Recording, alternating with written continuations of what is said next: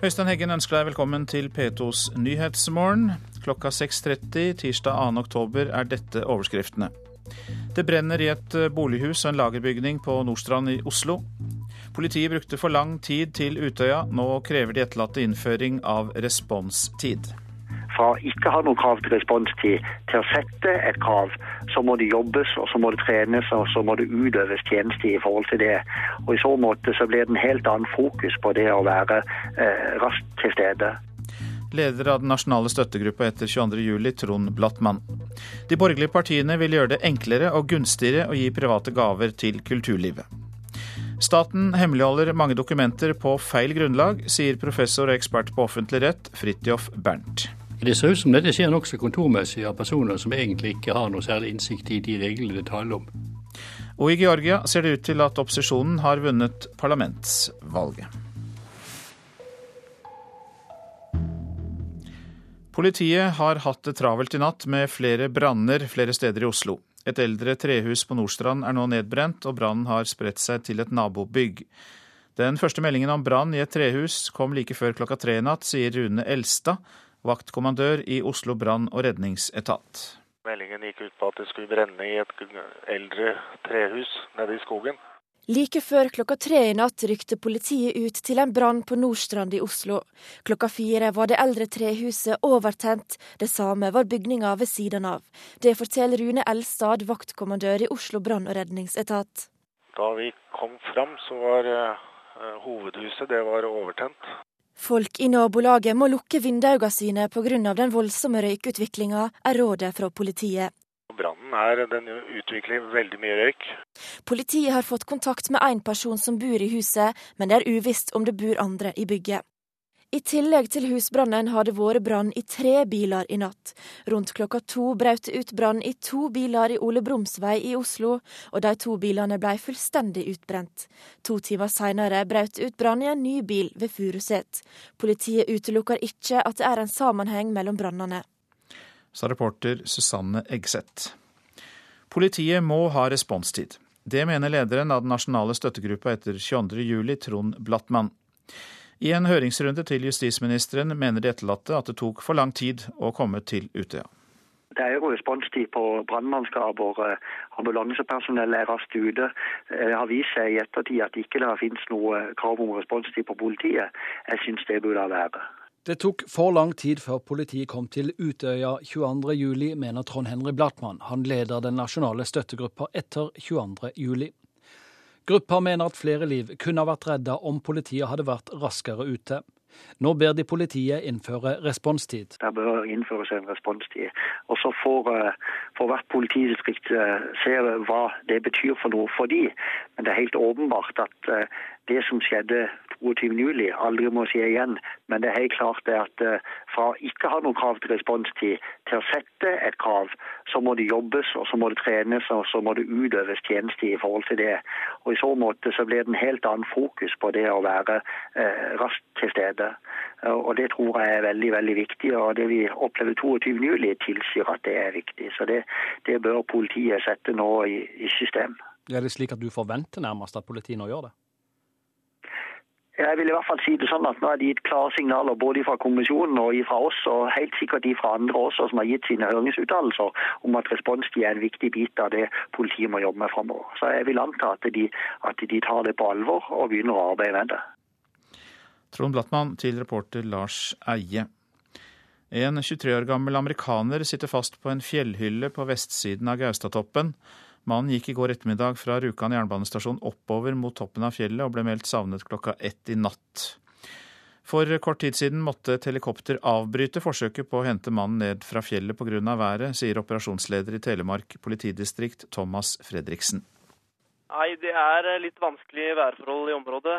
Det er eh, en del tåke og skydekke.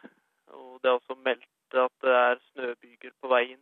Eh, så det er eh, utfordrende men eh, vi har tro på at vi skal få det til. I Georgias eh, hovedstad feiret opposisjonen i natt at den vant et knapt flertall mot presidentens parti i parlamentsvalget i går. President Mikhail Saakashvilis parti tok 73 seter i parlamentet, mens opposisjonen tok 77, ifølge valgdagsmålinger. Opposisjonsbevegelsen Georgisk strømledes av oligarken Bidzina Ivanishvili, som har så mye penger at verdien overstiger verdien av staten Georgia. Han ble fratatt sitt statsborgerskap for noen år siden fordi han sa at han ville utfordre president Saakashvili, og han er fransk borger nå. Nå har jeg oppnådd det jeg ville, sa den ustyrtelig rike georgieren i natt. Russland-korrespondent Hans-Wilhelm Steinfeld. To kurdiske brødre er siktet i Sveits for å tilhøre en ny terrororganisasjon som skal være opprettet i samarbeid med mulla Krekar.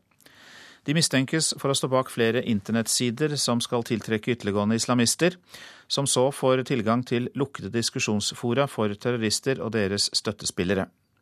Påtalemyndigheten i Sveits mener den nye organisasjonen tilhører Al Qaida-nettverket og har medlemmer i en rekke europeiske land.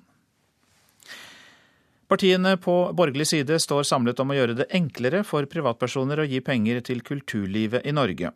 Forslaget går ut på å dele regningen mellom staten og private givere. Ifølge Høyre er det mange i Kultur-Norge som sårt trenger private bidrag.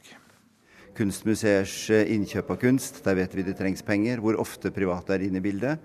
Frie grupper, frie ensembler, orkestrene. Det er mange steder hvor det er behov for private penger. Sier kulturpolitisk talsmann i Høyre, Olemic Thommessen. Ved et eventuelt regjeringsskifte ved valget neste år vil Høyre styrke privatfinansiering av kulturlivet gjennom f.eks. gaveforsterkningsordninger. En gaveforsterkningsordning går kort og godt ut på at uh, en privat gave suppleres med et forhåndstilsagn, altså at det blir gitt et offentlig tilskudd Eh, i en gitt størrelsesorden i forhold til gaven, f.eks. 50-50 eller noe sånt. I praksis betyr dette at f.eks. Nasjonalmuseet kan spørre en privat bidragsyter om 1 million kroner for å kjøpe et maleri, og deretter få dekket deler eller resten av beløpet av staten. Det vil da stimulere de private aktørene til å delta. Det vil stimulere institusjonene eller de som skal ha pengene, til å eh, lete etter dem og jobbe for dem.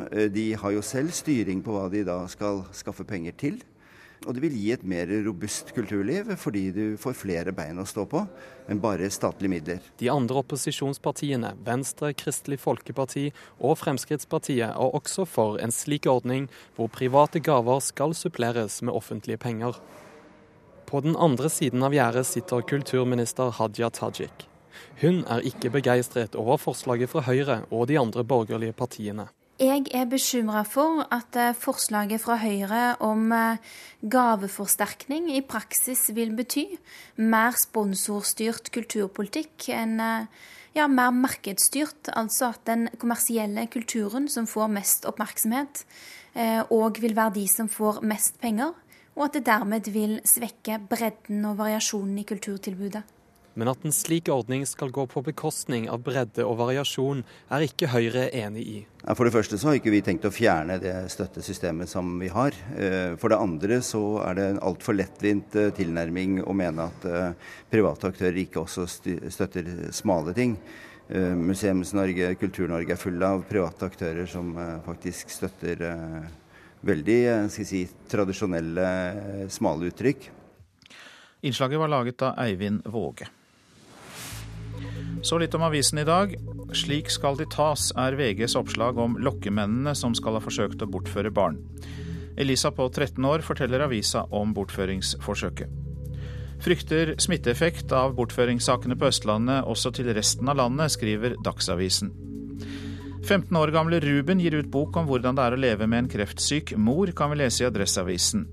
Det var et skoleprosjekt, men blir bok, der Ruben Bolme Aune setter ord på det 3500 barn under 18 år opplever hvert år, at en av foreldrene får kreft. Antallet selskaper som vokser og tjener godt, økte med nær 50% her i landet i fjor, får vi vite i Aftenposten. Nedgangen etter finanskrisen ble snudd i 2011.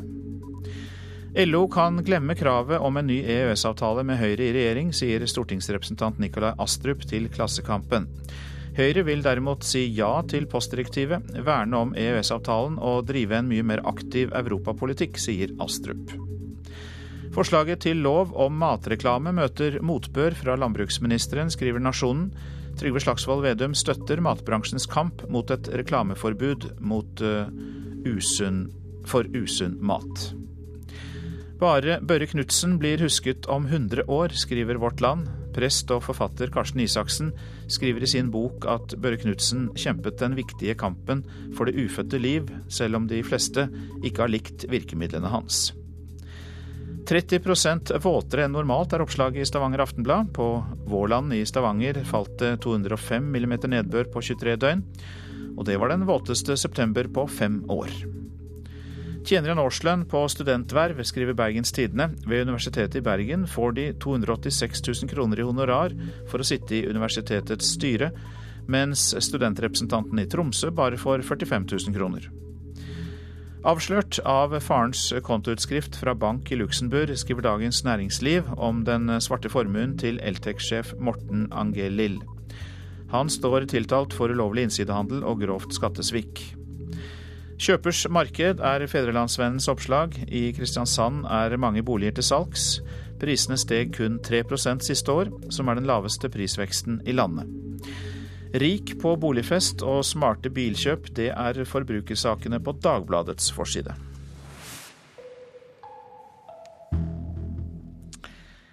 Egil Olsen og Nils Johan Sem mener Norges kvalifiseringsgruppe til fotball-VM i Brasil er tøffere enn de hadde forventet. Om to uker møter Norge Sveits og Kypros på bortebane. To lag som har imponert den norske landslagsledelsen. Nå har jeg jo sett en del kamper, og Sveits eh, er jo gode. De er vel per i dag blant Europas beste landslag. Sier landslagssjef Egil Olsen. De færreste så på Sveits som et topplag da de fra nivå tre ble trukket i Norges VM-kvalifiseringsgruppe for litt over et år siden. Gruppen med Slovenia, Sveits, Albania, Kypros og Island ble ansett som svært overkommelig bl.a. av fotballpresident Yngve Hallén. Skal vi ta oss til sluttspill, så eh, er denne gruppa slik at vi bør komme oss videre til Brasil 2014. Eh, Siden da har både Slovenia og Sveits passert Norge på Fifa-rankingen. Også toppfotballsjef Nils Johan Semb har latt seg imponere av sveitsernes utvikling. De har slått Tyskland i sommer før EM, de slo Kroatia den siste oppkjøringskampen borte i Kroatia. Det er det ikke mange lag som gjør. Og de har vunnet ganske komfortabelt og tatt seks poeng så langt i gruppa. Så det, vi møter et, eh, et, lag som nok eh, holder en veldig høy europeisk klasse. Om to uker venter bortekamper mot Sveits og Kypros. Sistnevnte slo Norges overmenn Island i forrige kamp, og kan by på trøbbel for Norge også, mener Semb. Snakka med Lars Lagerbäck i forrige uke, og han var i hvert fall mektig imponert over Kypros da, da Island han møtte dem. Etter skuffende bortetap mot Island og hjemmeseier over Slovenia, mener mange Norge må ta poeng borte mot Sveits eller Kypros. Det er ikke landslagssjef Olsen enig i. Hjemme må vi antageligvis vinne alle kampene våre. Der har vi lite å gå på. På bortebane så, så tar jeg alle poeng vi får som, som en liten bonus. Eh, men det forutsetter jo naturligvis at vi vinner hjemmekampene våre. Ja, det sa Egil Olsen til reporter Christian Myrseth. Da har klokka passert 6.43. Dette er hovedsakene i Nyhetsmorgen. Det brenner i et bolighus og en lagerbygning på Nordstrand i Oslo. Politiet brukte for lang tid til Utøya, nå krever de etterlatte innføring av responstid, sier leder av den nasjonale støttegruppa Trond Blattmann. De borgerlige partiene vil gjøre det enklere og gunstigere å gi private gaver til kulturlivet. Og staten hemmeligholder mange dokumenter på feil grunnlag, sier ekspert på offentlig rett. Mer om det litt seinere i sendinga. Men nå om at norske koraller skal hjelpe svenske. Det eneste gjenværende kaldtvannskorallrevet i Sverige er i ferd med å dø. Nå forsøker forskere å få liv i revet igjen ved å sette ut friske norske koraller. Lykkes de, kan korallrevet vokse seg tilbake til fordums prakt, men det kan ta noen hundre år. På rundt 80 meters dyp på svensk side i Sekken, den smale og dype fjorden mellom Bohuslenskysten og Søndre Sandøy på Hvaler i Østfold, ligger et lite korallrev. Korallene her nede er av typen Lofelia pertusa, og de har levd her i over 6000 år. Men nå er de i så dårlig forfatning at de kan dø ut.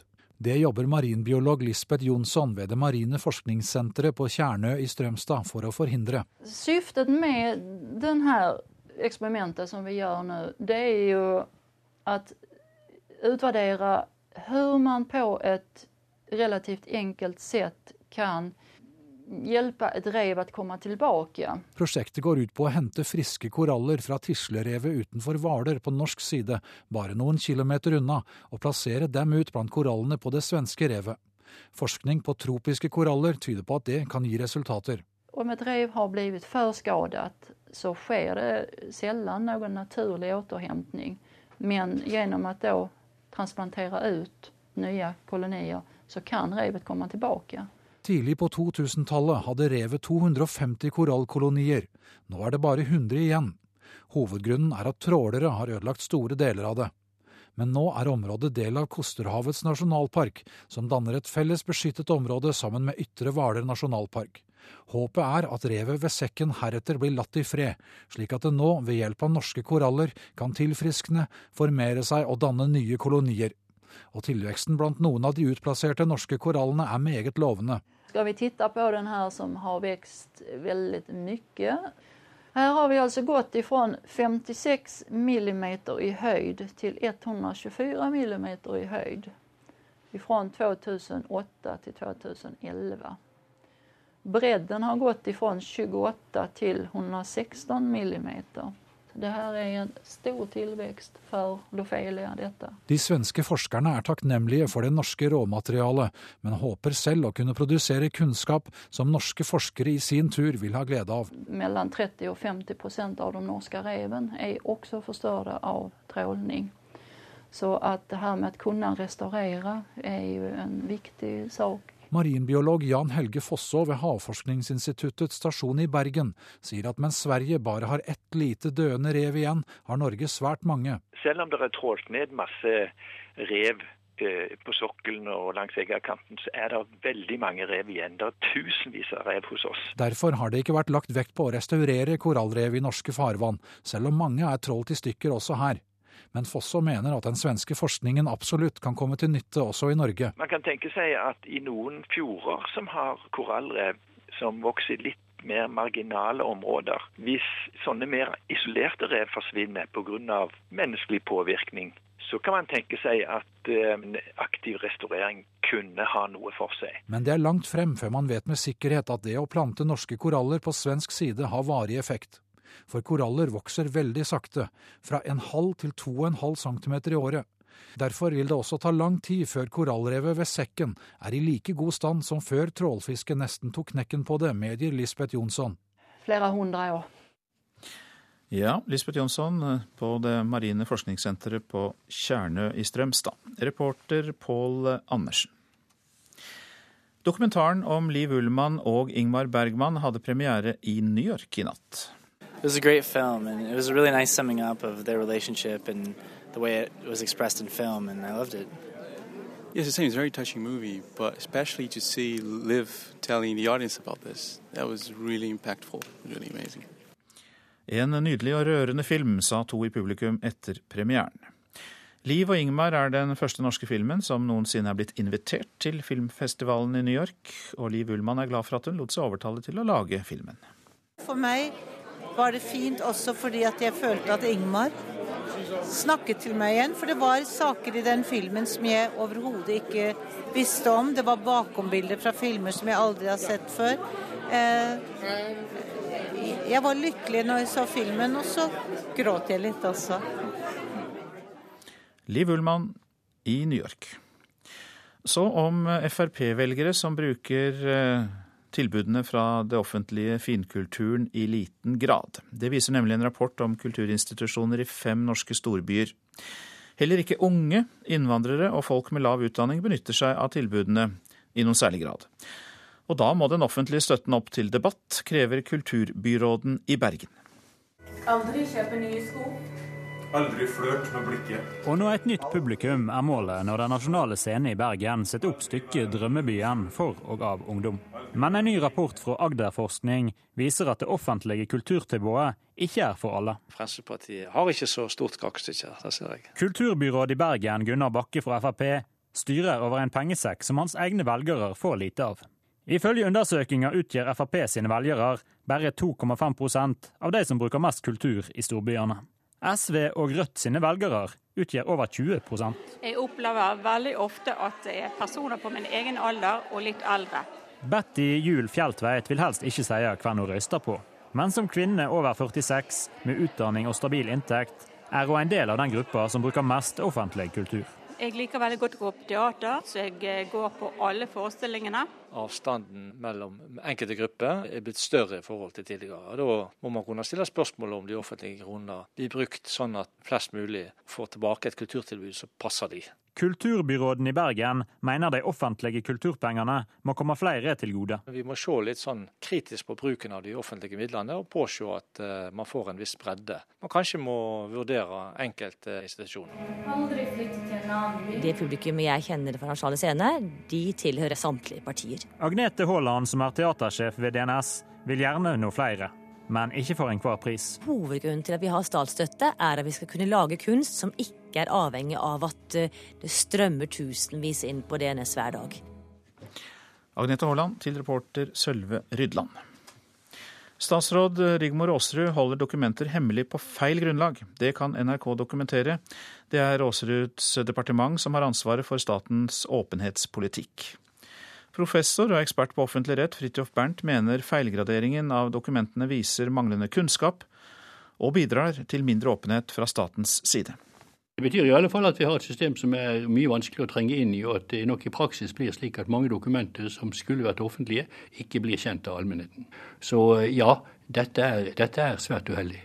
Riksrevisjonen har gitt NRK innsyn i en rekke dokumenter som tidligere var unntatt offentlighet. Flere dokumenter fra Fornyingsdepartementet og underliggende etat Departementenes servicesenter er unntatt på feil grunnlag. Professor Fridtjof Bernt har sett på dokumentene. Han konkluderer slik. Det ser ut som dette skjer nokså kontormessig av personer som egentlig ikke har noe særlig innsikt i de reglene det taler om. Eh, I noen tilfeller så har man brukt et stempel som eh, opplagt er rett og slett feil. For man viser til en bestemmelse i offentlige lover, mens eh, det man egentlig mener er at det er et unntak i riksrevisjonsloven. Og for det andre så har man på de fleste av disse brevene overhodet ikke fått frem et hovedpoeng. Nemlig at disse dokumentene her, det er dokumenter som er unntatt i den tiden det tar å behandle saken i Riksrevisjonen. Altså med andre ord, det er tale om et midlertidig unntak. Professor Bernt mener den feilaktige registreringen kan gjøre det svært vanskelig å finne den informasjonen man ønsker innsyn i. Hvis du leter etter en sak om sikkerhet, men saken er registrert som et rettsdokument, finner du kanskje aldri det du leter etter. Det er vel åpenbart at dette skaper jo et ugjennomsiktig system for journalister og andre som ønsker å trenge inn i systemet.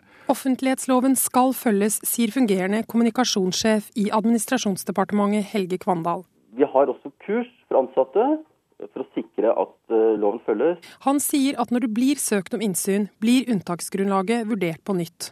Og han mener at feilen vil bli oppdaget. Men også han innrømmer at feil registrering kan villede de som leter etter informasjon dersom slikt så, så kan, kan, kanskje det eh, være litt misvisende når man ser i offentlig eh, postjournal, ja. Men han vil ikke svare på om dette fører til en høyere grad av hemmelighold. Det, det blir spekulasjoner eh, å, å, gå inn på det. Og det var Berit Aalborg som var reporter. God morgen til deg, Arne Jensen. Du er assisterende generalsekretær i Norsk redaktørforening. Dette virker jo kritikkverdig, men la oss likevel begynne i den andre enden. Når mener du det skal være mulig å holde dokumenter borte fra offentligheten?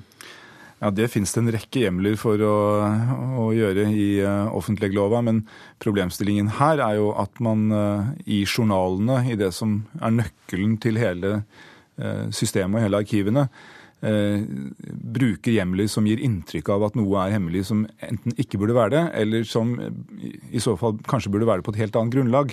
Det gjør det vanskeligere både for journalister, men ikke minst for, for uh, vanlige mennesker som kanskje ikke har tid og ressurser og kunnskaper på samme måte som det noen av, av, mediefolkene har, til å trenge inn i systemene og skjønne hva det er som er interessant og hva det er man kan få innsyn i. Og det er jo problematisk. Nå brukte professor Fridtjof Bernt begrepet at det skjer nærmest kontormessig. Altså nærmest en automatikk i at man gjør dette hemmelig. Hvordan kan dette bli ryddet opp i, tror du? Nei, Det tror jeg må ryddes opp i på følgende måte, nemlig at uh, offentlige etater må slutte å, å, forhåndsklassifisere dokumenter, som vi kaller det. Dvs. Si at man, man, må ikke begynne å, å slenge på unntakshjemler når man journalfører dokumentene, men først ta stilling til det når, hvis og når det kommer begjæringer om innsyn. Eh, for Problemet nå er at man, man uh, kaster på, på unntakshjemler på dokumenter uten egentlig å ha vurdert dem særlig grundig. Og når det skal skje med så mange dokumenter uh, som forvaltningen administrerer, og til dels av, av saksbehandlere, arkivarer og andre som kanskje ikke har, har finjuridisk kompetanse alltid, så skjer det fort feil. Og feilene skjer jo systematisk den veien at det blir unntatt mer enn det det skulle for, for å være på den sikre siden. Det ligger i, i hele systemets natur. Men øh, kanskje er det en risiko for at det blir brukt veldig veldig mye ressurser på dette her? At man skal være så nøye med å klassifisere det enkelte dokument fra det andre? Det, det vet jeg ikke, men jeg vet at det er øh, i hvert fall en tvilsom bruk av ressurser, fordi man bruker tid på å vurdere en masse dokumenter som er, egentlig er uproblematiske. og Det burde man øh, slutte med. Og så burde man uh, si som så at dette tar vi stilling til hvis noen melder seg og ber om å få se det dokumentet det handler om. La oss se på hva følgene vil kunne bli hvis eh, for mye blir holdt hemmelig på feil måte. Har du noen eksempler vi kan tygge litt på her? Ja, det, ikke, det, er litt vanskelig å dra opp et konkret eksempel sånn ti på sju om morgenen, men, eh, men, eh, men, men, det finnes jo en rekke eksempler, og det ser vi stadig vekk, på dokumenter som definitivt ikke, ikke det er noen grunn til å unnta, og som forvaltningen til dels også innrømmer når, når, de blir spurt om det. Sier at nei, dette var kanskje feil. Problemet er at når det står i en journal at noe er unntatt og det er lastet på en hjemmel fra offentleglova, så vil mange mennesker tenke at da er det ikke noe vits i å be om innsyn. Og Sånn sett så bidrar man til å, å gjøre eh, muligheten muligheten for å, å, ettergå disse tingene vanskeligere enn det burde være. Ja, Sånn at det nærmest ligger en automatisk barriere foran dokumentene, og så gir man opp før man eh, nærmest får prøvd? Ja, jeg tror mange, både journalister, men kanskje også særlig andre som ikke eh, holder på med dette hver dag, eh, vil tenke at da er det sikkert ikke noe, noe vits i det. Dette er sikkert nøye vurdert, fordi at noen har, har, sett på loven og funnet ut at dette kan og skal man unnta. og da, da gidder jeg ikke engang spørre om det. Og det er jo dumt, for det er ikke det offentlighetslova er til. Den er til for å skape mest mulig innsyn og lettest mulig tilgjengelighet til offentlige dokumenter. Ikke et så åpent samfunn som vi gjerne ønsker å tro, kanskje, Arne Jensen? Nei, det er eh, Vi har jo skritt på oss eh, at vi er verdensmestere i, i, i, åpenhet og demokrati. Og på noen punkter så er vi veldig langt framme, og på andre så er vi ikke så langt framme lenger. Og det eh, det må vi nok En liten realitetsorientering ut mot en del andre land som vi kan sammenligne oss med, så vil vi oppdage at det er forbedringspunkter også hos oss. Mange takk for at du kom eh, hit på morgenkvisten, Arne Jensen, assisterende generalsekretær i eh, Norsk redaktørforening.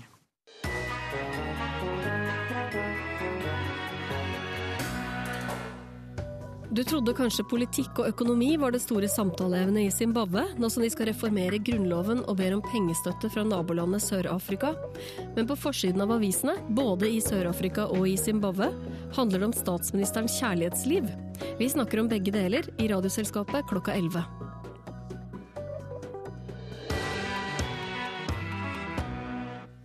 Været står for tur. Fjell i Sør-Norge først. Av og til liten kuling utsatte steder i dag. Enkelte regnbyger i vestlige områder, snøbyger i høyfjellet. For øvrig blir det opphold og perioder med sol i fjellet i Sør-Norge.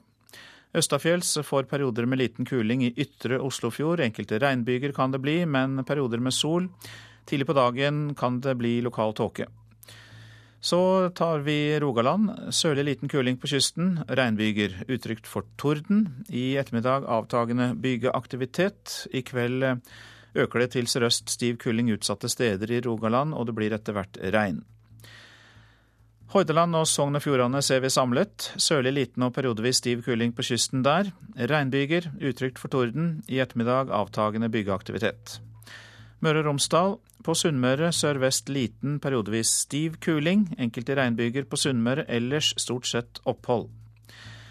Trøndelag enkelt og greit, opphold og perioder med sol. Nordland først på dagen liten kuling i utsatte kyst- og fjordstrøk. Skyet eller delvis skyet vær, av og til kan det bli regn. Troms får delvis skyet oppholdsvær i dag. Så var det kyst- og fjordstrøkene i Finnmark. Oppholdsvær og gløtt av sol. Fra ettermiddag litt regn i Øst-Finnmark. Finnmarksvidda får stort sett oppholdsvær. Lokal morgentåke kan det bli. Fra i ettermiddag litt regn på vidda. Nordensjøland på Spitsbergen oppholdsvær og perioder med pent vær. Så tar vi med oss temperaturene som ble målt klokka fem i natt. Svalbard lufthavn minus to, Kirkenes pluss sju. Vardø ni, Alta seks. Så var det to grader på Tromsø-Langnes, Bodø åtte, Brønnøysund ni. Trondheim-Værnes fem grader, Molde åtte. Bergen-Flesland hadde ti, og det samme var det i Stavanger. Kristiansand-Kjevik ni grader, Gardermoen også ni. Lillehammer åtte, Røros seks, Oslo-Blindern ti grader, og det var altså klokka fem at disse ble målt.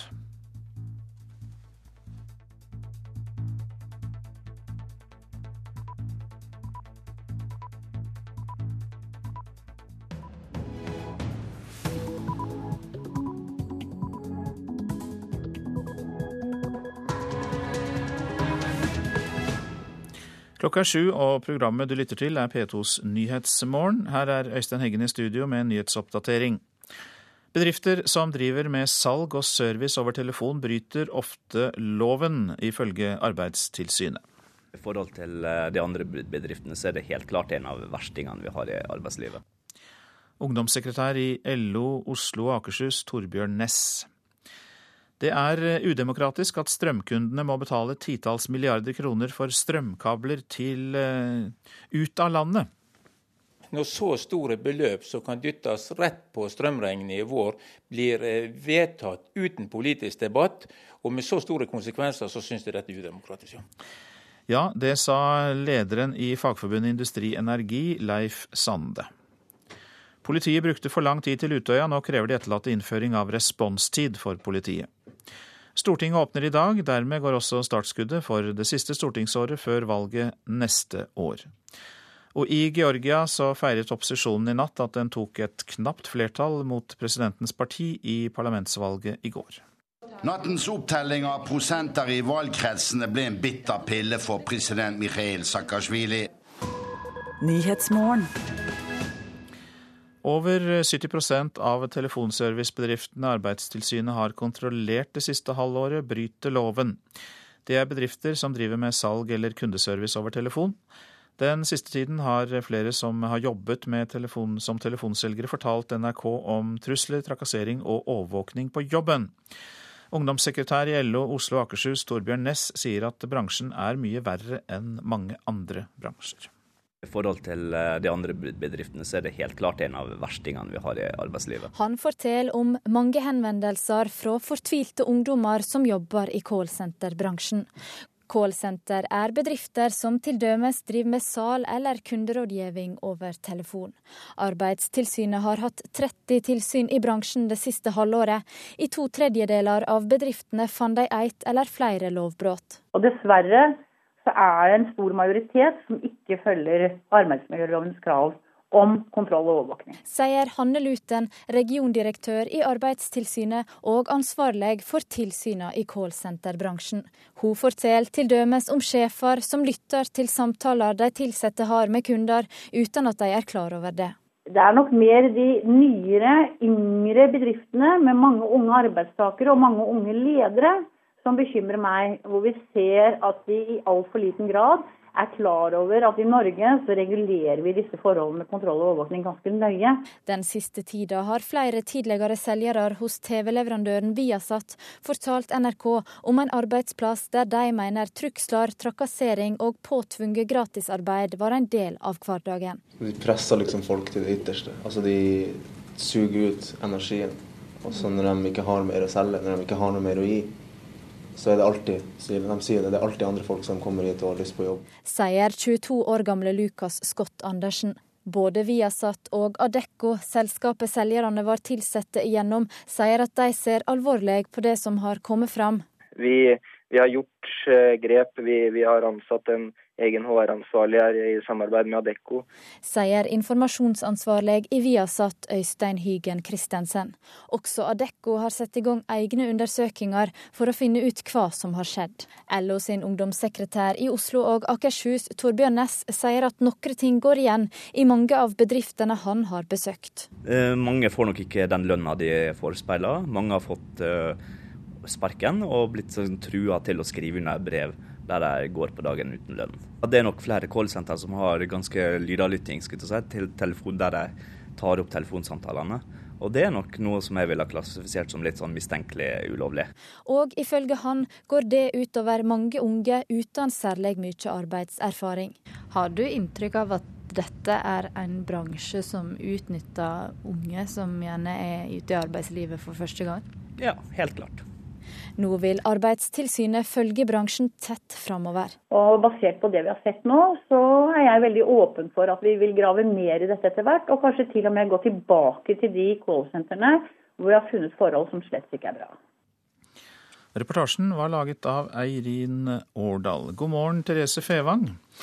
Du er daglig leder i Norma, bransjeorganisasjonen for bl.a. bedrifter da, som driver med telefonsalg og kundeservice. Og ja, når du har hørt på dette, hva mener du? Nei, dette er jo forhold som selvfølgelig ikke callsenterbransjen kan være kjent med. Og jeg må også si at jeg ikke kjenner igjen det som beskrives her sånn, i forhold til det jeg kjenner av de medlemmene vi har. Men betyr det at eh, det er bedrifter som ikke er medlemmer hos dere som er verstingene her, eller hvordan forklarer du det? Eh, de vi har hørt om, det er jo én bedrift vi har hørt om her sånn, eh, og de er da ikke medlemmer. Ellers så har jeg heller ikke De sier at de har vært på tilsyn hos et femtitalls bedrifter. Og det har jeg heller ikke hørt om, faktisk. Jeg pleier ofte å få vite når det har vært tilsyn hos medlemmene. Så du har ikke fått noen tilbakemelding om at Arbeidstilsynet har vært der? Eh, ikke på den type graverende forhold, sånn som de her sånn beskriver. Har vi ikke hørt om. Selv om da åpenbart mange av disse ikke er medlem hos dere, som er da en bransjeorganisasjon, hva gjør dere likevel for å hindre at slike ting skjer, at man uh, unngår overvåking og avlytting og veldig dårlige arbeidsvilkår? Nordma etablerte for noen år siden noe som het Godkjent callsenter. Eh, som rett og slett er da en godkjenningsordning hvor callsentrene må eh, presentere og vise at de overholder de lover og regler som finnes på feltet. Og det er alt fra arbeidslivets regler til skatt og avgift osv. Eh, vi har også egne bransjenormer som bl.a. tar opp dette med avlytting og medlytt, som vi her sånn har fått fortalt om. Ja, at man uh, hører på samtaler for uh, å lære av det, men at det likevel kan være et problem for de som jobber der, fordi de blir, føler seg overvåket og avlyttet hele tiden? Ja, og da skal vi jo ha regler som gjør at dette vet de ansatte om. De vet om når de blir på en måte medlyttet. Og det er klart bare til opplæringsformål, og ikke brukes seinere. Nå er det jo da slik at eh, dere, som du sier, ikke organiserer eh, mange av disse her. Eh, er det slik at de er redd for å være medlem hos dere, da, fordi dere stiller strenge krav til hvordan de skal opptre? Det kan vi jo bare spekulere egentlig. Det, vi vet jo ikke De sier fra Arbeidstilsynet at det er ganske nyetablerte bedrifter. Så det kan jo også tenkes at det er et opplæringsbehov der ute. Ja, det ble sagt at det er, det, det er nye bedrifter med mange yngre ansatte, unge ledere. Så Sånn sett så kan man jo se det fra den andre siden, at det er positivt med nyskaping og kreativitet i bransjen. At det er unge som kommer inn i bransjen. Men så er det da åpenbart kanskje at de som gjør feilskjær, de største feilskjærene? Eh, ja, det er jo, vi ser jo at eh, callsenterbransjen, sånn totalt sett det vi også kjenner, så er det mange unge som ansettes. Det er mange som møter arbeidslivet for første gang i callsenterbransjen. Eh, og totalt sett så er jo det positivt. Men det stiller jo desto større krav igjen til de som ansetter disse. Eh, på å behandle dem med respekt, på å gi dem god opplæring. Trenger vi disse callsentrene? For mange av oss blir ganske irritert når vi blir oppringt for å, for, for å kjøpe et eller annet. Ja, det er jo den der debatten alltid eh, kommer. Men eh, vi vet jo at de gjør en veldig viktig samfunnsmessig oppgave. Det er ikke tvil om at vi også trenger å få solgt varer og tjenester. Kundeservice er vel noe vi alle setter pris på, at det faktisk er profesjonelt også. Så totalt sett så er jeg ikke i tvil om at dette er noe vi trenger. Takk skal du ha, Therese Fevang, som altså er daglig leder i Norma, bransjeorganisasjonen som bl.a. Eh, organiserer de som driver med telefonsalg og kundeservice. Takk skal du ha. Redningshelikopteret kommer ikke opp til den 23 år gamle amerikaneren som sitter fast i ei fjellhylle ved vest for Gaustatoppen i Telemark. Amerikaneren gikk på tur i går ettermiddag og er ikke kledd for å overnatte ute. Det er vanskelige værforhold i området, sier operasjonsleder Thomas Fredriksen i Telemark politidistrikt. Det er eh, tåke, og det er til tider tett eh, skydekke. Vi forventer at det skal komme snøbyger inn, og det blir jo straks eh, mye verre forhold enn det allerede er. Hva vet dere om hvordan mannen har det? Nei, han eh, er ikledd eh, klær og utstyr for en dagsmarsj. Og klærne hans er våte, og han er nedkjølt. Det sa operasjonsleder Thomas Fredriksen i Telemark politidistrikt, og reporter var Ken Willy Wilhelmsen. Nei til flere store strømkabler fra Statnett, ja det sier lederen i Fagforbundet Industri Energi, Leif Sande. Før helgen oppjusterte Statnett kostnadene for nye kabler med 20 milliarder kroner. Men strømkundene får regningen uten debatt, og det er ikke demokrati, sier Sande.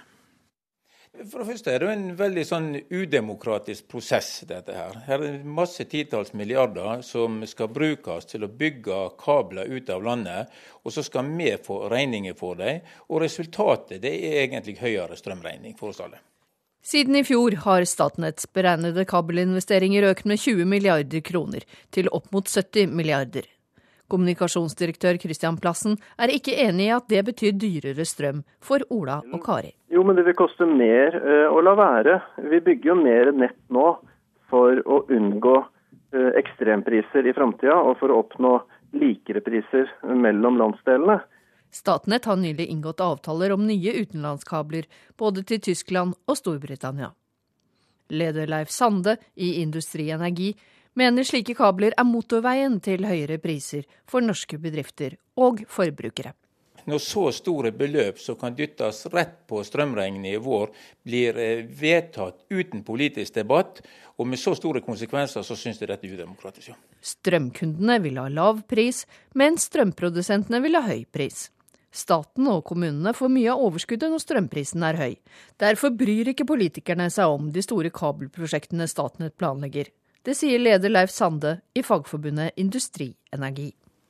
Selvsagt skal vi bygge kabler, altså by og bygd får god strømforsyning her i landet. Det er jeg ikke imot i hele tatt. Men da trenger vi nettopp den politiske debatten jeg etterlyser, og at ikke det er Statnett som sitter på bakrommet og bare bruker penger, og så belaster oss forbrukere med regninger. Bør Statnett også være med å fremme en politisk debatt om det, eller bør det være noe som politikerne tar? Det burde Statnett ha gjort, men det gjør de ikke. Så det var politikernes ansvar å ta fatt i dette. her. Og Dette burde vært en perfekt diskusjon å ta med seg inn i valgkampen til neste år. fordi at eh, vi vet at det her har stor betydning for vanlige folk rundt omkring i landet, og ikke minst for industri. Men også Statnett ønsker debatten velkommen, sier kommunikasjonsdirektør Christian Plassen i Statnett. Men selvfølgelig, vi vil ha mer diskusjon og er åpne for mer debatt, og vil gjerne bidra til det. Og det var Hedvig Bjørgum som var reporter. I dag er det høytidelig åpning av Stortinget, ikke helt med den samme pomp og prakt som når Elisabeth, eh, dronning Elisabeth åpner det britiske parlamentet, men kanskje en pomp og prakt som er tilpasset norske forhold når eh, kongen leser trontalen og eh, meldingen om rikets tilstand legges fram. Den eh, framføres vanligvis av den yngste statsråden. Og i år så blir jo det Haja Tajik som skal framføre den meldingen. Og dermed går også startskuddet for det siste stortingsåret før valget neste år. Og Derfor har vi kalt på deg, Håvard Arum, tidligere politisk kommentator i Aftenposten, og også mange år her hos oss tidligere. Ja, hva forventer du å høre i dag? Trontalen er jo sjelden eh, spennende lesning. Det er en eh, lang liste over hva regjeringen har tenkt å gjøre, og mye av det er jo kjent fra før. Eh, det som kanskje kan bli litt spesielt spennende i år, er hva som måtte stå der om beredskapsarbeid. For det er klart at det som kommer til å prege mye av høsten, er jo debatten i kjølvannet av Gjørv-kommisjonens rapport. Den var ganske knusende for regjeringen. Og vi vil jo få høringer i Stortingets kontrollkomité eh, senere i høst om denne saken. Så Det er vel kanskje det vi ser mest etter når vi skal høre den trontalen som kongen fremfører i dag på vegne av regjeringen. Men superspennende blir ikke den, altså. Men hvilke politiske saker blir veldig spennende fremover? Ja, Det blir jo eh, mye mer spennende på mandag om en uke, for da kommer statsbudsjettet. Og Det er jo det siste budsjettet denne regjeringen da legger fram før valget. Så tradisjonelt så pleier det jo å komme en del eh, godsaker i gåseøynene der. Eh, det, nå har vel både statsministeren og finansministeren sagt at eh, den økonomiske situasjonen eh, kaller på et forholdsvis stramt budsjett. Så det er jo ikke sikkert at det blir altfor mye godsaker i dette budsjettet. Det har ikke vært så mye lekkasjer i år. Det som har, vel, vi har lagt mest merke til, er denne tollen på kjøtt og ost, som det har vært ganske mye debatt om. Men det er klart at i en større budsjettsammenheng så er det en rimelig liten sak. Flere små partier sliter jo på meningsmålingene og står og vakler akkurat på denne sperrefristmerket. Hvordan tror du det vil påvirke valgkampen? Ja, Det er klart at det, er, det blir mye nerver ute og går i alle disse fire partiene. Eh, Kristelig Folkeparti, Senterpartiet, SV og Venstre har alle hatt eh, meningsmålinger under sperregrensen. Eh, noen flere enn de andre. SV er absolutt mest utsatt, det kan det ikke være noen tvil om. Og det er kanskje også der det er vanskeligst å se hvordan partiet skal klare å reise seg. Og dette vil selvfølgelig sette sitt preg på valgkampen. og det vil også sette samholdet i, regjeringen på prøve, tror jeg. Etter, hvert som valget nærmer seg og det blir flere og flere sånne eh, dramatiske målinger for SV og kanskje også for Senterpartiet. Det betyr ikke at regjeringen kommer til å ryke før valget. Det er ikke det, det, er ikke det jeg legger i dette. Men eh, samarbeidsklimaet partiene imellom kan nok bli vanskeligere. Det rives og slites litt, åpenbart. Det kan vi vel eh, mellom partiene når de skal eh, stå på egne ben i enda større grad foran valgkampen. Ja. Og Det vil nok gjelde også på borgerlig side, eh, hvor jo regjeringsalternativet ikke er avklart. Høyre er jo nå det, det absolutt dominerende partiet. Men i Fremskrittspartiet begynner det nok å nå bli en del nerver, fordi at de, dette partiet ønsker jo å komme og, vokse igjen til høyder som nærmer seg det valgresultatet de hadde i 2009. Og skal de klare det, så er de nødt til å gå i strupen på Høyre. For det er eh, derfra de må hente mange av de nye velgerne.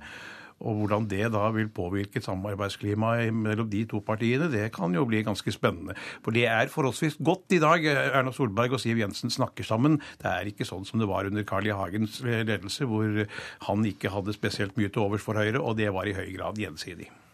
Hjertelig takk for at du kom til oss i Nyhetsmorgen, eh, tidligere politisk kommentator i Aftenposten, eh, Håvard Narm. Ja, dette er Nyhetsmorgen. Klokka har passert 7.16. Vi har disse hovedsakene. Over 70% av telefonservicebedriftene Arbeidstilsynet har kontrollert det siste halvåret, bryter loven. En 23 år gammel amerikaner sitter fast på en fjellhylle ved Gaustatoppen i Telemark. Og fagforbundet Industri Energi krever at nye strømkabler ikke blir tatt i bruk for å unngå høye strømpriser.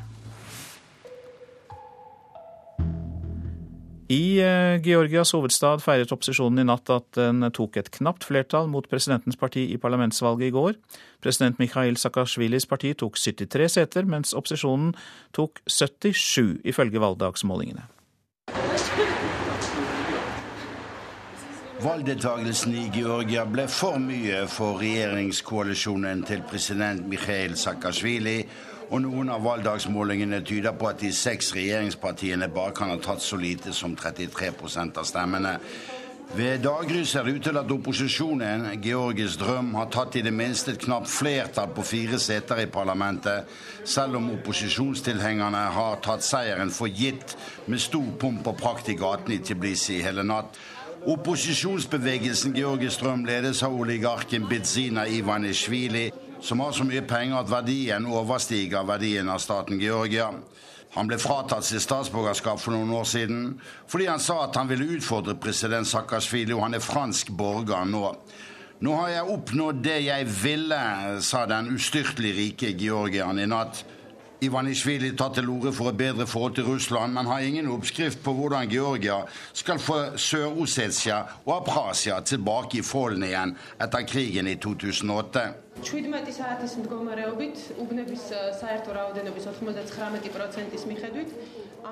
Nattens opptelling av prosenter i valgkretsene ble en bitter pille for president Mikhail Saakashvili.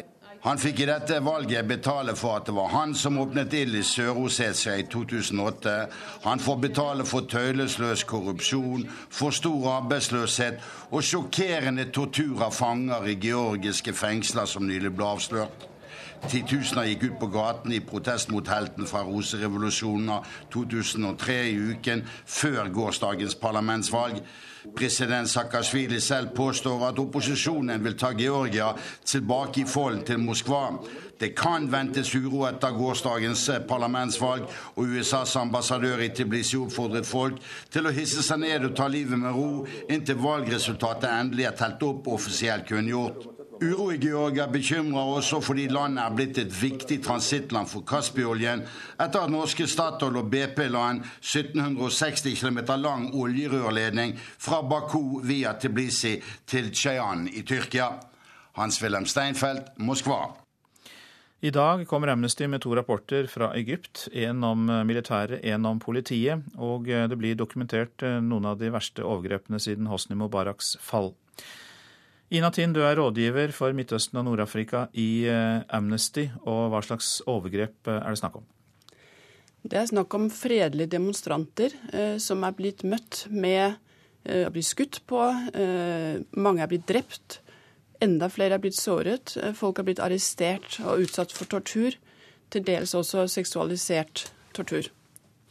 Hvor omfattende er eh, disse overgrepene sammenlignet med hva som skjedde under Hosni Mubarak? Eh, du kan si at Første forskjellen er at folk i mindre grad turte å gå ut på gaten og demonstrere under Hosni Mubarak. Eh, så, så det er en forskjell at veldig mange flere var på gatene. Men de ble møtt med overdreven maktbruk hele veien gjennom. Eh, og veldig mange ble stilt for militære domstoler. Det ble de ikke under Mubarak. 12 eh, 000 mennesker er blitt stilt for militære domstoler etter Mubarak. Og denne torturen, som sagt, den har vært systematisk også etter Mubarak. Du har vært i Egypt to ganger de siste månedene og snakket med bl.a. kvinner da, som har vært utsatt for seksuell vold og trakassering. Hva forteller de? Ja, De forteller en grusom historie om hvordan de er blitt rammet spesielt fordi de er kvinner. At militæret og politiet har forsøkt å true dem eh, bort fra gatene ved å utsette dem for eh, seksualisert vold. Eh, jeg snakker bl.a. med en kvinne som er den eneste som har turt og hatt mot til å anmelde militæret for såkalt tvungen jomfrutesting, som er en form for tortur som altså en del kvinner Eh, er blitt utsatt for, og som er ekstremt eh, tabubelagt. Det er mange som har fortalt om andre kvinner som har blitt utsatt for altså slag, blitt dratt av klærne, blitt utsatt for elektrosjokk mot kjønnsorganer, og som sagt veldig mye verbal og også fysisk eh vold, som da rammer spesielt kvinner, og som er veldig problematisk for kvinner å bli utsatt for. og Derfor er det veldig få som tør å fortelle om det. Men Samira Ibrahim gikk Eh, til rettssak mot militæret og vant eh, i første omgang og fått enormt mye oppmerksomhet i Egypt om den saken. Hva gjør Amnesty videre med disse rapportene?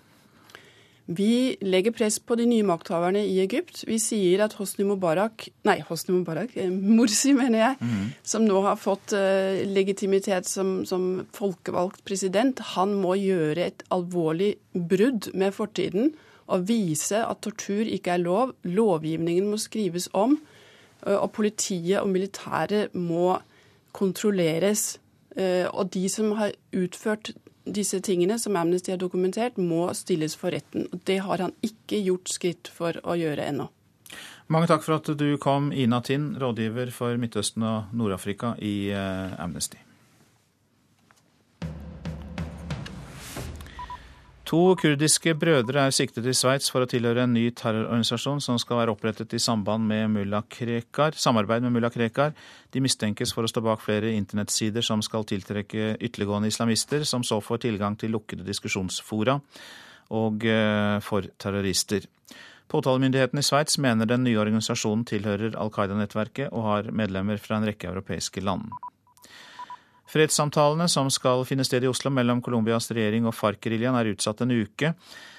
Eh, samtalene starter 15.10, opplyser FARC til journalister på Cuba. Det er ikke kjent om utsettelsen har sammenheng med at Colombias president Juan Manuel Santos skal opereres for prostatakreft i morgen.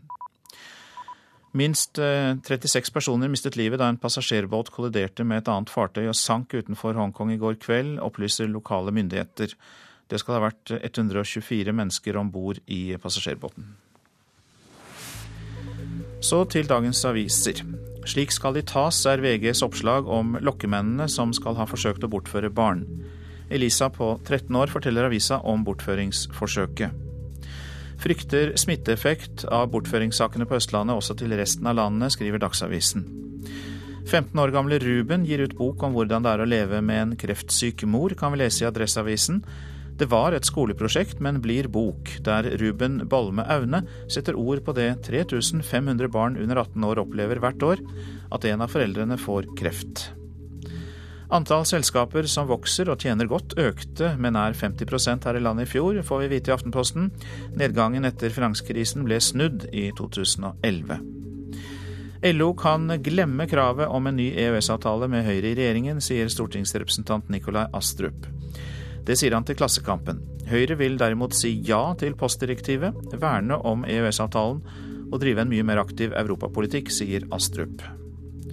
Forslaget til en ny lov om matreklame møter motbør fra landbruksministeren, skriver Nasjonen.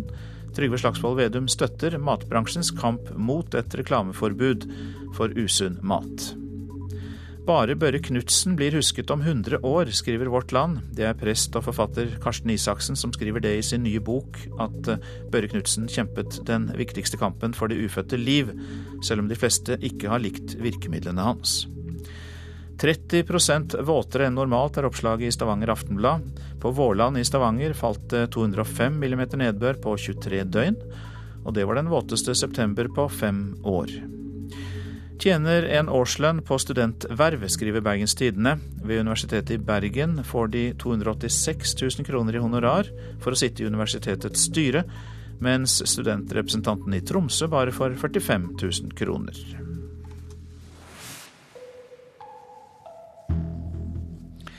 Hvordan går det når Steinkjer kommune vil lære eritreere fjøsstell og det norske språk på toppen av det? Prosjektet Integrering på tunet skal få innvandrere ut i jobb og utdanning innen landbruk. Og vi har besøkt Kvitvang gård, hvor flere nå er i praksis. Når kua kommer i roboten, så er det viktig at det er minst mulig hår på juret. Okay, men det, har ikke... det er viktig å få vekk alle uh, hårene rundt spennene. Mm. Dette er en spene. Okay, ja. spene. Det er ikke bare grunnleggende landbruk som skal læres når Daniel Gebretsene og Fidel Sada fra Eritrea er i praksis på Kvitvang gård. Det norske språket skal òg læres. Verken Fidel eller Daniel har jobba på gård før, og når kua i dag skal klippes, byr gjerne både teknologien og språket på utfordringer. Fidel, du må snakke norsk. Jeg skjønner ikke hva du sier, vet du. Det er bonden sjøl, han Leif Kvitvang, som veileder Daniel og Fidel i arbeidet. Det er jo en utfordring. da. Altså, altså, de skifter fort over til sitt eget morsmål hvis de uh, plages med et eller annet. Eller, uh, og Det kan gjøre at de blir litt utålmodige. Det er en bit av det òg, at uh, jeg må prøve å holde dem på norsken. De språklige utfordringene til tross, han Fidel syns det går bra å jobbe på gård. Ja, it is a really uh, good job, uh, men det er uh, litt vanskelig mm, It is difficult for, uh, for us for, for, first, for first day, men uh, the, after uh, works many, many, many days, it is, it is good. Og han har klare meninger om hva som må til for at han skal lykkes. If you uh, go to, uh, we want to uh, job a farmer, uh, we must learn tractor riding. Without tractor, you can't do anything. So, are you going to learn how to drive a tractor? Yeah, if, if I get an opportunity. Hvis du står her, hvis kua sparker bak, så treffer jeg deg ikke. Hvis du sparker fram, så treffer jeg heller ikke. Bonden passer på at alt går riktig og trygt for seg. Sikkerheten skal også læres. De kommer jo fra helt andre altså helt annet landbruk, helt annen setting rundt det. Så, så det å forklare dem hvordan vi gjør ting her. Altså Det er jo mye mer teknologi inne i, i norsk landbruk enn, enn det fra det landbruket de kjenner til. da. En av de viktige tingene det er at man har fokus på helse, miljø og sikkerhet. Altså At man tar vare på seg sjøl og, og hverandre i dette. Det er noen dyktige arbeidere som klipper kua i dag. Han Daniel og Fidel har godt humør, og de er nøye i jobben de gjør. Jeg syns det går veldig bra. De eh, har en eh, veldig god arbeidsmoral. De er veldig dyktige til å jobbe, og interessert i å gjøre det. Da var kua ferdig? Må si oss fornøyd med det. Ikke helt ferdig. Og Steinkjer kommune håper at integrering på tunet etter hvert kan videreføres til andre kommuner. Det var reporter Pia Tøhaug som hadde besøkt Kvit Kvitvang gård. Prosent for Nyhetsmorgen i dag, det er Ragnhild Bjørge. Her i studio, Øystein Heggen. Nå straks Dagsnytt.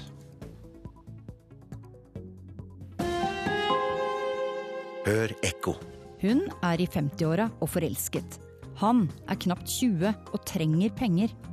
Hun kan kjøpe et stort vestlig hus. Han har en ung kropp og en stor, fattig familie. Turismen i Egypt har mange ansikt. Ekko 9 11 i NRK P2.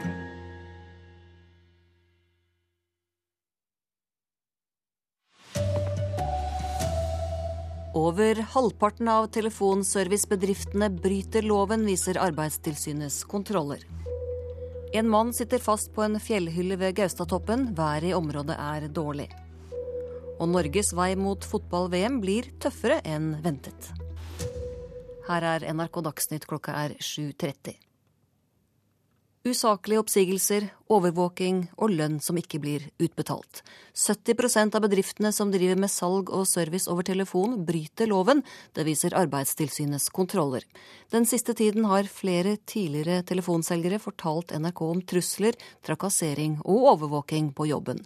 Ungdomssekretær i LO Oslo og Akershus, Torbjørn Næss, sier bransjen er en versting.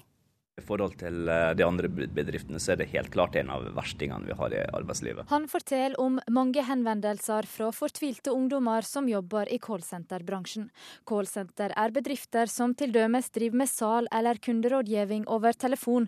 Arbeidstilsynet har hatt 30 tilsyn i bransjen det siste halvåret. Hos to tredjedeler av bedriftene fant de ett eller flere lovbrudd, sier Hanne Luten, regiondirektør i Arbeidstilsynet og ansvarlig for tilsynene i denne bransjen.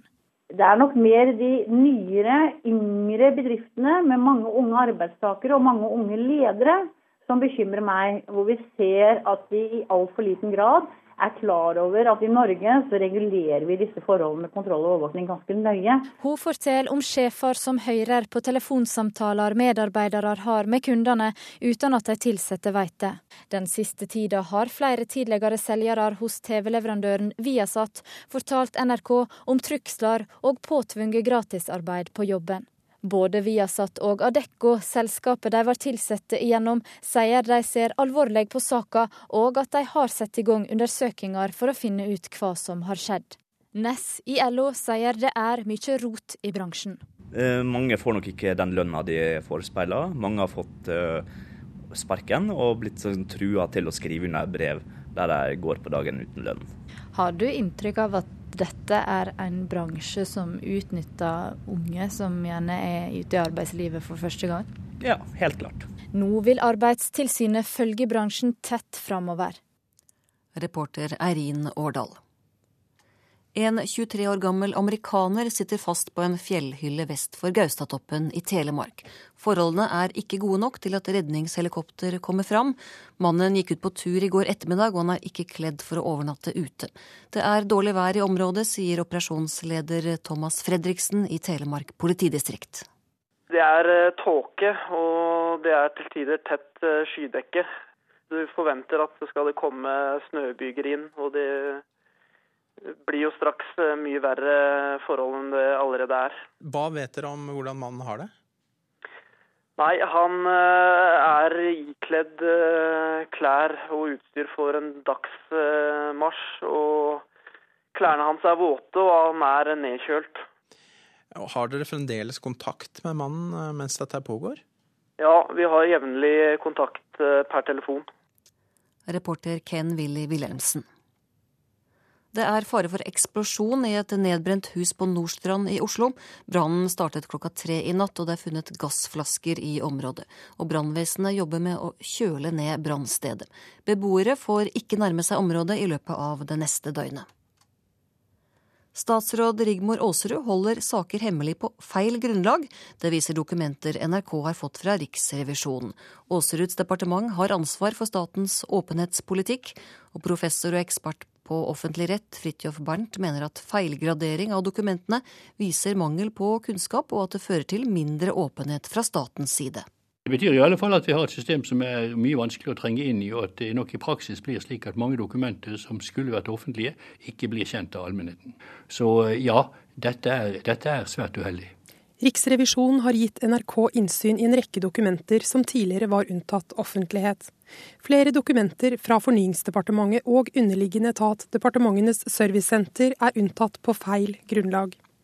Professor Fridtjof Bernt har sett på dokumentene. Han konkluderer slik. Det ser ut som dette skjer nokså kontormessig av personer som egentlig ikke har noe særlig innsikt i de reglene det taler om. Dokumenter er feilaktig unntatt offentligheten som rettsdokument. Dokumenter som skulle hatt et tidsbegrenset unntak, er permanent unntatt. I noen tilfeller så har man brukt et stempel som eh, opplagt er rett og slett feil. For man viser til en bestemmelse i offentlige lover, mens eh, det man egentlig mener er at det er et unntak i riksrevisjonsloven. Professor Bernt mener den feilaktige registreringen kan gjøre det svært vanskelig å finne den informasjonen man ønsker innsyn i. Ja, det er vel åpenbart at dette skaper jo et ugjennomsiktig system. Offentlighetsloven skal følges, sier fungerende kommunikasjonssjef i Administrasjonsdepartementet Helge Kvandal. Han sier at når det blir søkt om innsyn, blir unntaksgrunnlaget vurdert på nytt. Og han mener at feilen vil bli oppdaget. Men også han innrømmer at feil registrering kan villede de som leter etter informasjon. Dersom slikt skjer, så, så kan, kan kanskje det uh, være litt misvisende når man ser i offentlig postjournal, ja. Reporter her var Berit Aalborg. Politikerne må si nei til at Statnett får bygge enda flere store strømkabler til utlandet. Det mener leder Leif Sande i fagforbundet Industri Energi. Strømkundene får regningen uten debatt, og det er ikke demokratisk, mener Sande. Jeg mener det er veldig udemokratisk når så store beløp som kan dyttes rett på strømregningen i vår, blir eh, vedtatt uten politisk debatt. Og med så store konsekvenser så syns jeg dette er udemokratisk. Ja. Siden i fjor har Statnetts beregnede kabelinvesteringer økt med 20 milliarder kroner, til opp mot 70 milliarder. Kommunikasjonsdirektør Christian Plassen er ikke enig i at det betyr dyrere strøm for Ola og Kari. Jo, men det vil koste mer uh, å la være. Vi bygger jo mer nett nå for å unngå uh, ekstrempriser i framtida, og for å oppnå likere priser mellom landsdelene. Statnett har nylig inngått avtaler om nye utenlandskabler, både til Tyskland og Storbritannia. Leder Leif Sande i Industri Energi mener slike kabler er motorveien til høyere priser for norske bedrifter og forbrukere.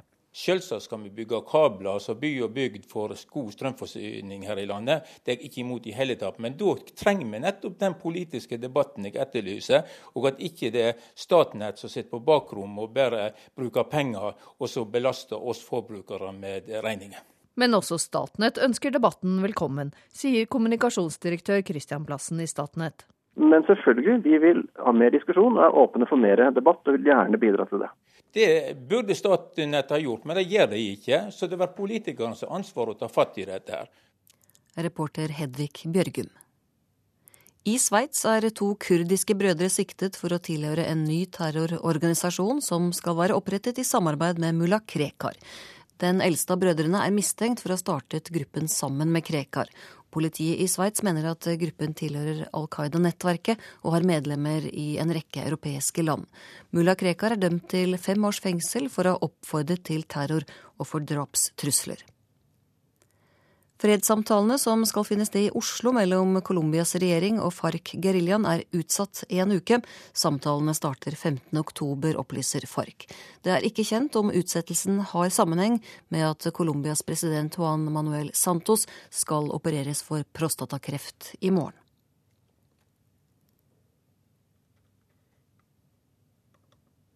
Egil Olsen og Nils Johan Sem mener at Norges kvalifiseringsgruppe til fotball-VM i Brasil er tøffere enn de hadde ventet. Om to uker møter Norge Sveits og Kypros på bortebane, to lag som har imponert landslagslederen. Nå har jeg jo sett en del kamper, og Sveits eh, er jo gode. De er vel per i dag blant Europas beste landslag. Sier landslagssjef Egil Olsen. De færreste så på Sveits som et topplag da de fra nivå tre ble trukket i Norges VM-kvalifiseringsgruppe for litt over et år siden. Gruppen med Slovenia, Sveits, Albania, Kypros og Island ble ansett som svært overkommelig. Siden da har både Slovenia og Sveits passert Norge på Fifa-rankingen. Også toppfotballsjef Nils Johan Semb har latt seg imponere av sveitsernes utvikling. De har slått Tyskland i sommer før EM, de slo Kroatia den siste oppkjøringskampen borte i Kroatia. Det er det ikke mange lag som gjør. Og de har vunnet ganske komfortabelt og tatt seks poeng så langt i gruppa. Om to uker venter bortekamper mot Sveits og Kypros. Sistnevnte slo Norges overmenn Island i forrige kamp.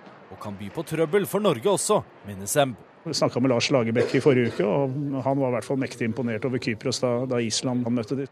Etter skuffende bortetap mot Island og hjemmeseier over Slovenia, mener mange Norge må ta poeng borte mot Sveits eller Kypros. Det er ikke landslagssjef Olsen enig i. På bortebane så, så, tar jeg alle poeng vi får som, som en liten bonus. Eh, men det forutsetter jo naturligvis at vi vinner hjemmekampene våre. Reporter var Christian Myrseth. Ansvarlig for denne sendingen har vært Gro Arneberg, teknisk ansvarlig Frode Thorseth og her i studio Anne Skårseth.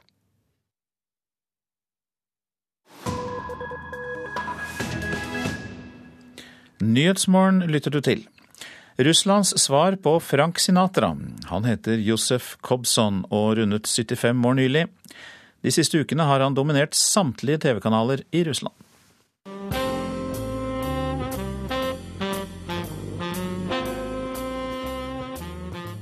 народный артист Советского Союза, депутат Госдумы Иосиф Кобзон. I dag er folkets artist og Duma-medlem Josef Kobzon gjest her på TV-kanal Rein, sier programlederen. Добрый вечер. Вечер добрый. Et god kveld fra den berømte smørtenoren betyr mye for hans publikum, denne Russlands svar på Frank Sinatra. Og likhetspunktene er mange. Som Sinatra er Kabzon tenor. Som Sinatra var skallet og gikk med parykk, gjør Josef Kabzon det samme. To ganger og nå sist sommer ble Josef Kabzon nektet innreise til USA. For denne russiske megastjernen påstår amerikanske innvandringsmyndigheter står i ledtog med russisk mafia, som Sinatra var beryktet for sine mafiaforbindelser i USA i sin tid. En av Kabzons beste venner er Jurij Lusjkov, som ble avsatt som borgermester her i Moskva av Russlands president, fordi presidenten hadde mistet tilliten til borgermesteren. Borgermester Juri Loskovs kone står nå i fokus for et eiendomsbedrag i 5 milliarder kroners-klassen som har ført til at sjefen for Moskvas bank er på vill flukt i vest fra russisk politi. Men Kabzon sa nylig på TV at han fortsatt regner Moskvas falne borgermester som sin nære venn. Men folket tilgir Josef Kabzon når han drar den kjente sangen 'Øyeblikket' fra den sovjetiske, patriotiske spionfilmen Stirlitz. Не думай о секундах свысока. Sangen om sovjetagenten Stirlitz fra filmen med samme navn utspiller seg i Tyskland under andre verdenskrig. Og i virkelighetens verden var den sovjetiske etterretningsoffiseren Maksim Isajev forbilde for Stirlitz-figuren som Josef Kabzon besynger.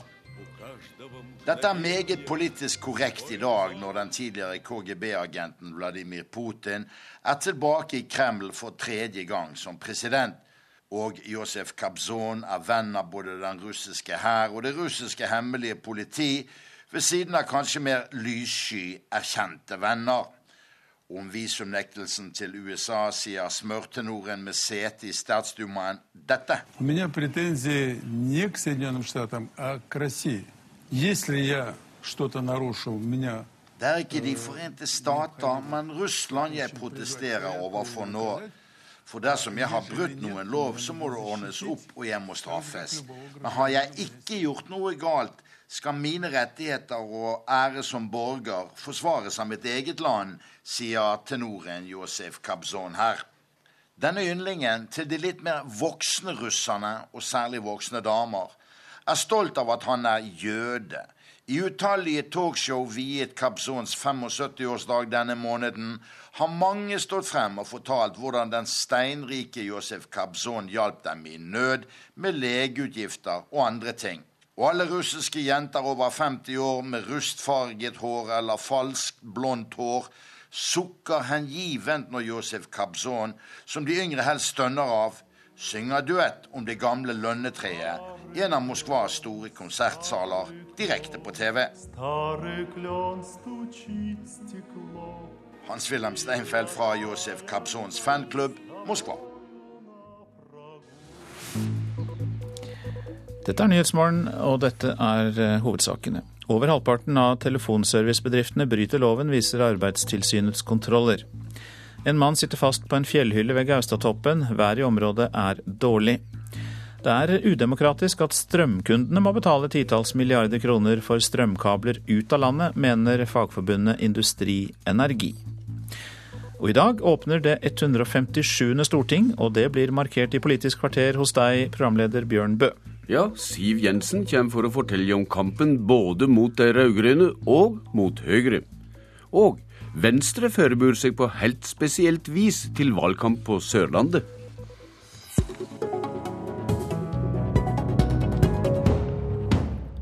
I dag åpner altså det 157. Stortinget, det siste i denne valgperioden.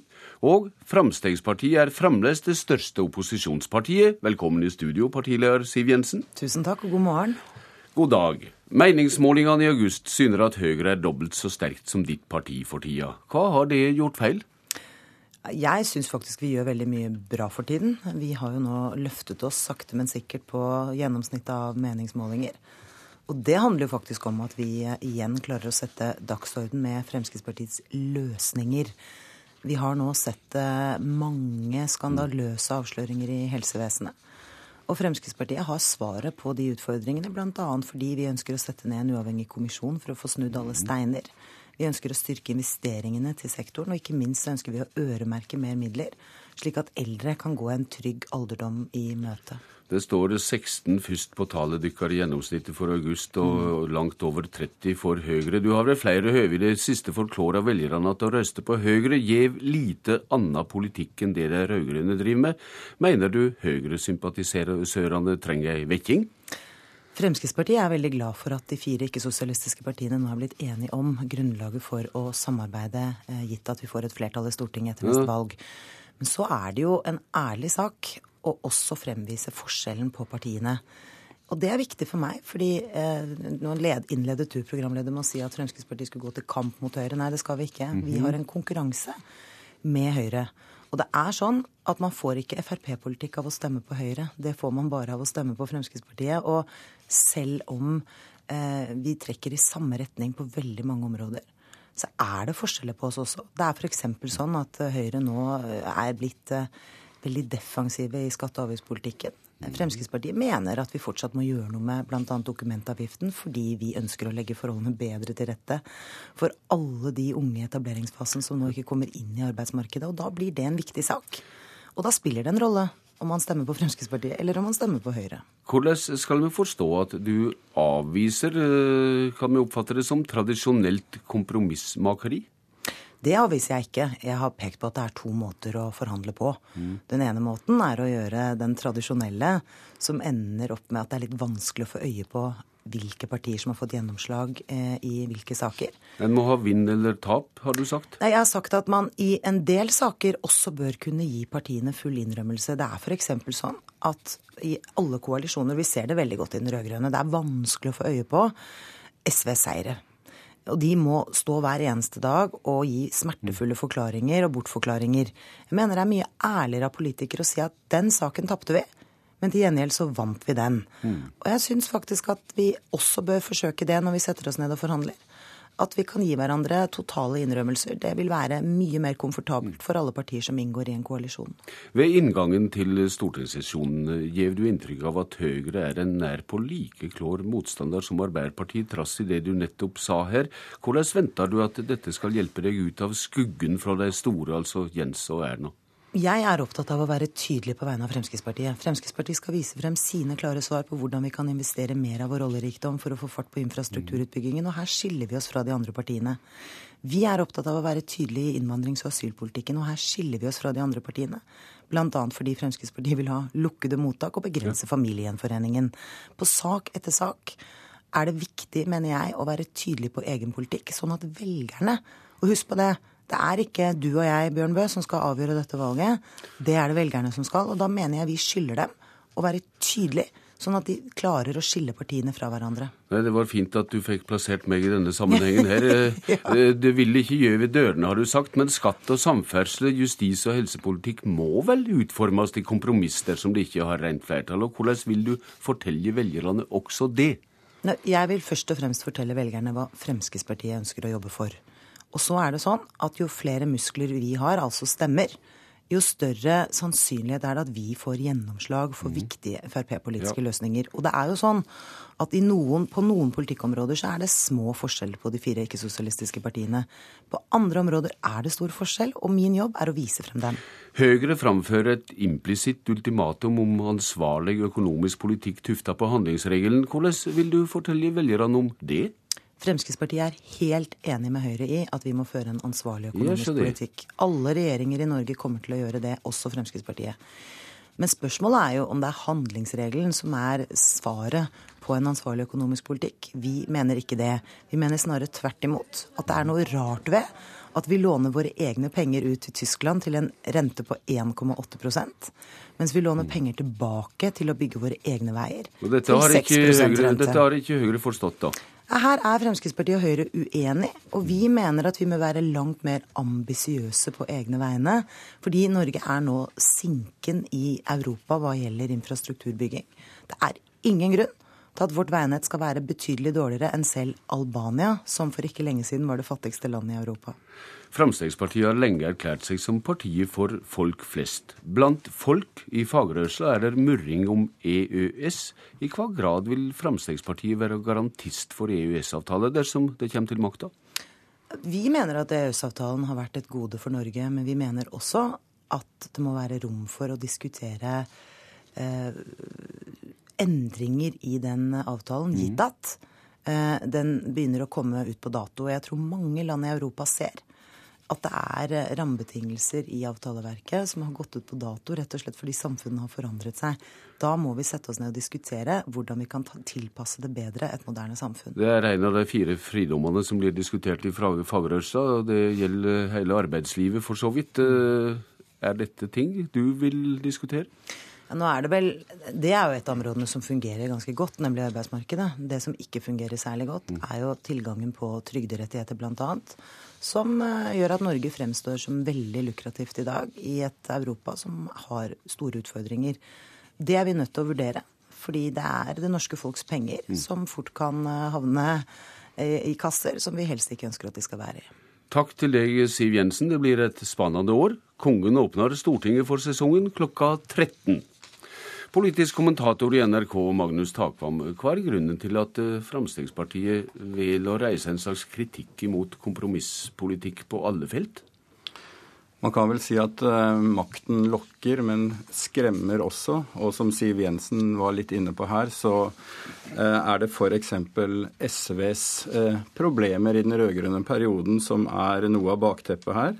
Det er klart at et fløyparti, eh, som vi tross alt må definere Frp som, og som SV er, må alltid kompromisse eh, inn mot midten i en koalisjon med flere partier, og står i fare for å viske ut sin eh, identitet. Og det er også slik at partier som SV og Frp, som i utgangspunktet begge har vært systemkritiske partier, partier som ikke hadde vært i regjering, når de kommer i regjering, lett blir identifisert med makten selv og blir gjenstand for kritikk. Mm. og dette tror jeg Frp på forhånd vil forsøke å unngå å på en måte forebygge. F.eks. For ser de at et forslag som å ikke ha bompenger åpenbart vil falle i en ny regjering. Eh, den typen forhåndsvarsler kan kanskje unngå skal vi si, slitasje og kritikk på den, denne typen saker. Hvor dristig vil du si at Siv Jensens politiske budskap ved innledninga av stortingssesjonen er?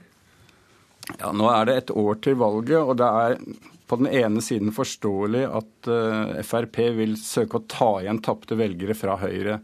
Uh, ved forrige stortingsvalg et år før så var jo styrkeforholdet opp ned. Men det er klart det er dristig. Det, det vil kunne skape økt konflikt innad i en skjør uh, allianse mellom opposisjonspartiene, og mistanke om sviktende lojalitet og tillit osv. Så, videre. så det er, det er en, en risiko ved dette. Kommentator i Dagens Næringsliv, Kjetil Alstaheim. Du skrev i går at Jensens ikke-kompromissmodell, som du kaller det, kan bli farlig også om Høyre og Fremskrittspartiet får rent flertall. Hva legger du i det? Jeg tror det der kan bli ganske ødeleggende for et samarbeid om, et partiene skal enten vinne eller tape hver enkelt sak. Det blir en slags sånn konkurranse om hvem sin tur er det nå til å vinne, eller hvem sin tur er det nå til å tape. Og så er det jo et litt håpløst utgangspunkt at man skal ha enten rene tap eller seire når begge partier må ta ansvar for, for helheten i, i, den politikken regjeringen fører. Men et annet problem med det er at det vil gjøre det vanskeligere for Erna Solberg å, å bevare forholdet til Venstre og Kristelig Folkeparti. Og Det tror jeg hun vil være veldig opptatt av. For selv om Høyre skulle greie seg med et samarbeid med Fremskrittspartiet etter neste valg, sånn som meningsmålingene nå viser, så tror jeg Erna Solberg vil være opptatt av å beholde Venstre og KrF på uh, sin side av politikken. Uh, sånn at uh, de ikke forsvinner over til Arbeiderpartiet ved, valget i 2017. Mm. Du er med på en litt sprukken linje, som alle hører, Kjetil Alstein. Men hva sjanser mener du Fremskrittspartiet har til å vinne att velgere fra Høyre? De er jo nødt til å, å vise fram forskjeller, og hvorfor velgere skal stemme på på Fremskrittspartiet og ikke, ikke Høyre. Men eh, de har jo eh, de har jo de har ikke akkurat greid å løfte seg tilbake til, eh, til de nivå, høye nivåene de har vært på tidligere. Så, så det, men mye kan skje. Det er vel, fortsatt veldig lenge til valget neste år. Men jeg tror nok forskjellen nå fra valgkampen i 2009 er at selv om partiene og, opposisjonspartiene viser frem eh, forskjeller, så, så, er de nå grunnleggende enige om at de skal prøve å lage en, en løsning, gir gi landet en regjering, dersom de fire partiene får flertall. Så det blir en annen diskusjon enn i 2009, der all uenighet på borgerlig side var bare nok et eksempel på borgerlig kaos. Mm. Magnus Takvam, kan vi se for oss en valgkamp der det blir innvortes strid mellom de to blokkene, at det kan være et dominerende trekk? Ja, jeg er for min del spent på hvordan den valgkampen kommer til å bli.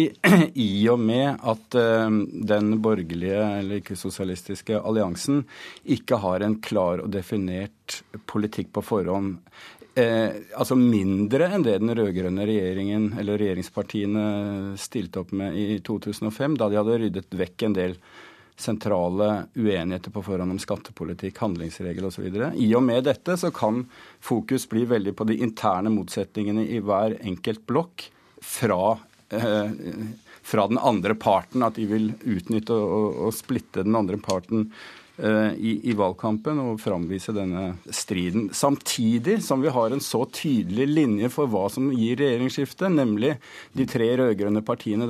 Når de taper flertallet, så, så blir det regjeringsskifte. Det er, det er en fare for at hele valgkampen vil dreie seg om det tallet og, og en masse meningsmålinger som vil skape dramatikken i valg, valget på bekostning av selve saken. Mm. Takk til deg, Magnus Takvam, og til deg, Kjetil Alstadheim.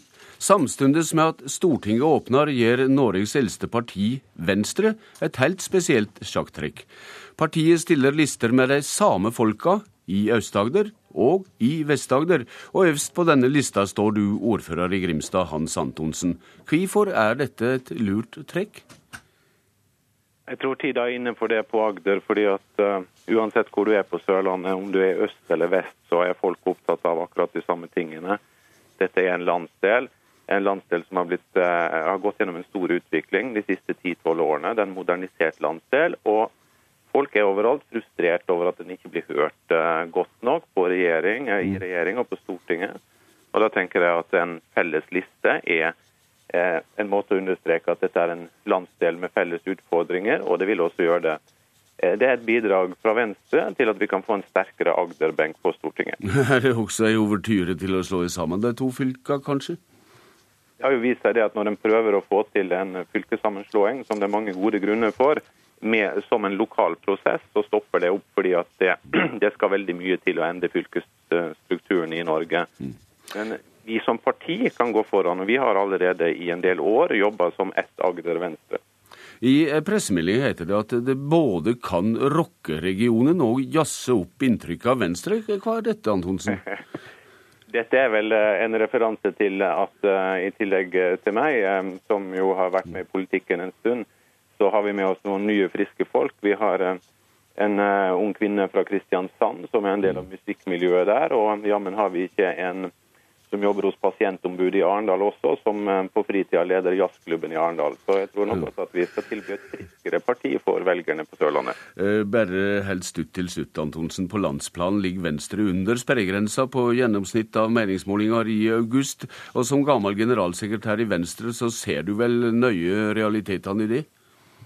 Ja, absolutt. Og det er en jobb som skal gjøres over hele landet. Men det er sånn at hvis Agder løfter seg fra 4-5% som har vært valgresultatene i de to fylkene de senere årene, opp til 6-7 så er det 3000 stemmer flere på landsbasis. Og det var de 3000 stemmene Venstre mangla på å komme over sperregrensa i 2009. Så sånn sett kan det, Hvis vi lykkes her, så kan det bli et viktig bidrag til Venstre nasjonalt, og det tror jeg vi skal greie. Lykke på reisa, Hans Antonsen. Takk til deg. Politisk kvarter er slutt. Jeg heter Bjørn Bø.